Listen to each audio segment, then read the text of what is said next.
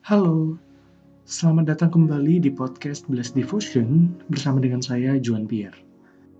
Dalam episode ini, kita akan sama-sama merenungkan bagian firman Tuhan yang diambil dari Zakaria 2 ayat 1-5. Penglihatan ketiga, seorang yang memegang tali ukuran. Aku melayangkan mataku dan melihat, tampak seorang yang memegang tali pengukur. Lalu aku bertanya, ke manakah engkau ini pergi? Maka ia menjawab aku, ke Yerusalem untuk mengukurnya, untuk melihat berapa lebar dan panjangnya.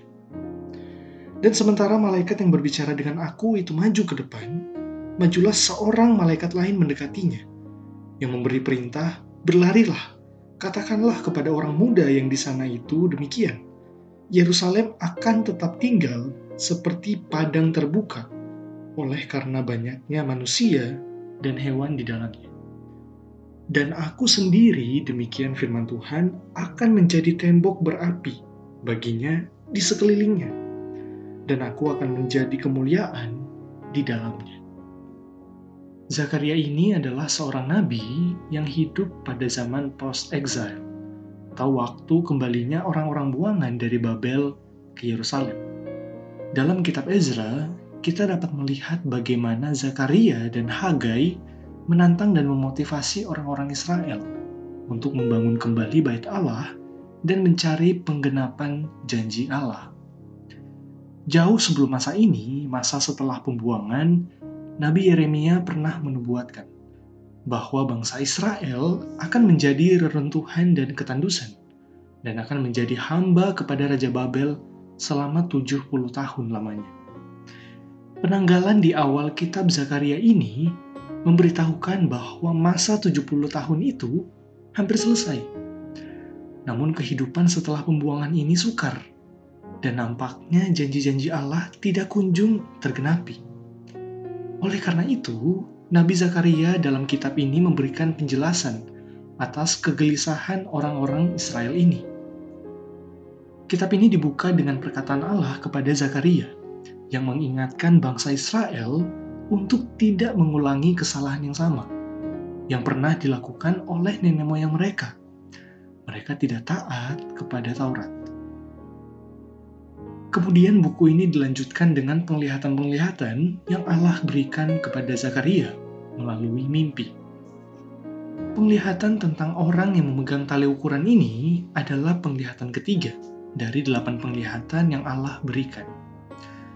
Dalam penglihatannya, Zakaria melihat seorang yang memegang tali ukur dan hendak mengukur lebar dan panjang Yerusalem. Penyusunan kata lebar dan panjang ini tidak biasa dalam tulisan Perjanjian Lama. Penyusunan yang seperti ini hanya muncul dalam perikop ini dan juga dalam Yehezkiel 40 sampai 48. Tujuan orang ini mengukur lebar dan panjang Israel adalah untuk membangun sebuah tembok di sekeliling Yerusalem. Kebanyakan penafsir setuju bahwa intensi dari orang ini adalah tidak baik. Tindakannya itu akan membatasi ukuran kota Yerusalem. Dalam ayat 3 4, kita bisa melihat sebuah keadaan yang genting di mana seorang malaikat lain datang mendekati pengukur tersebut. Kata malaikat lain itu seakan-akan memberikan sebuah desakan Ditambah lagi dengan ayat 4 yang memberi perintah kepada malaikat tersebut untuk berlari dan berkata kepada orang muda atau pengukur tersebut untuk menghentikan tindakannya dan berkata, Yerusalem akan tetap tinggal seperti padang terbuka oleh karena banyaknya manusia dan hewan di dalamnya. Orang muda tersebut melakukan hal yang tidak pantas karena Yerusalem itu harusnya menjadi kota yang terbuka Kata kota yang terbuka ini dalam bahasa Ibrani menggunakan kata perazot, dan kata ini erat konotasinya dengan kota yang kecil. Alkitab terjemahan bahasa Indonesia pun tidak menerjemahkan kata ini menjadi kota, melainkan dusun. Itu dapat kita lihat dalam Hakim-Hakim 5 ayat 7 dan Esther 9 ayat 19. Akar kata ini juga digunakan dalam 1 Samuel 6 ayat 18 untuk memberikan kontras antara kota yang dibentengi dengan dusun yang tidak memiliki dinding. Penggunaan terminologi dusun untuk menggambar Yerusalem ini sangat tidak biasa, bahkan mengejutkan. Dalam masa jaya Israel, Yerusalem ini bukan hanya kota biasa yang dikelilingi oleh dinding yang biasa, melainkan Yerusalem memiliki benteng yang luar biasa kuatnya, yang dapat melindungi mereka dari serangan luar. Dan bahkan dinding ini telah menjadi identitas bagi mereka. Namun melalui penglihatan ini, Allah menunjukkan bahwa pengukuran kota ini yang merupakan awal dari pembangunan dinding merupakan tindakan yang melawan agenda Allah bagi Yerusalem. Allah memiliki rencana untuk memenuhi bangsa Israel dengan banyak orang dan juga banyak ternak, tidak dibatasi oleh dinding.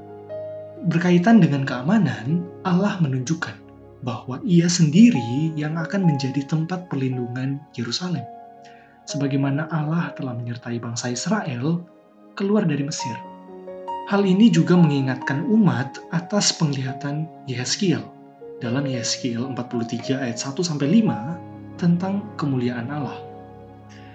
Ketidakhadiran dinding sebagai pelindung kota itu mencerminkan kekuatan dan otoritas Allah yang tidak terbatas. Pada masa post-exile atau masa setelah pembuangan, orang-orang Israel seakan-akan kehilangan harapan mereka. Tetapi Zakaria 2 ayat 1 sampai 5 ini mengembalikan harapan itu, yaitu harapan yang telah mereka pegang sejak Ulangan 12, yaitu tentang penyembahan yang berpusat kepada Allah, tentang kehadiran Allah, serta berkat Allah dalam konteks yang lebih besar kita dapat melihat bagaimana Allah menggenapi rencananya itu. Simbol Yerusalem dan bait Allah itu secara sempurna tergambarkan melalui gereja karena Kristus. Yohanes 2 ayat 19 jawab Yesus kepada mereka, Rombak bait Allah ini, dan dalam tiga hari aku akan mendirikannya kembali. Firman Tuhan mengingatkan kita bahwa rancangan Tuhan itu jauh melampaui rancangan-rancangan manusia. Melalui sejarah Israel, kita dapat melihat pekerjaan Allah yang begitu sempurna dan begitu indah pada waktunya. Hidup tanpa dinding itu berarti percaya dengan sungguh-sungguh kepada Tuhan dalam keadaan yang mustahil sekalipun. Zakaria 2 ayat 1 sampai 5 ini mendorong umat Israel untuk mengalami hidup yang sepenuhnya di dalam rencana Allah, dan mereka melihat hidup mereka melalui sudut pandang Allah. Hal ini dapat, hal ini hanya mungkin terjadi.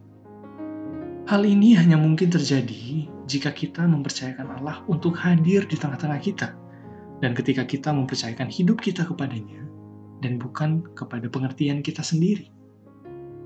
Percayalah kepada Tuhan dengan segenap hatimu dan janganlah bersandar kepada pengertianmu sendiri.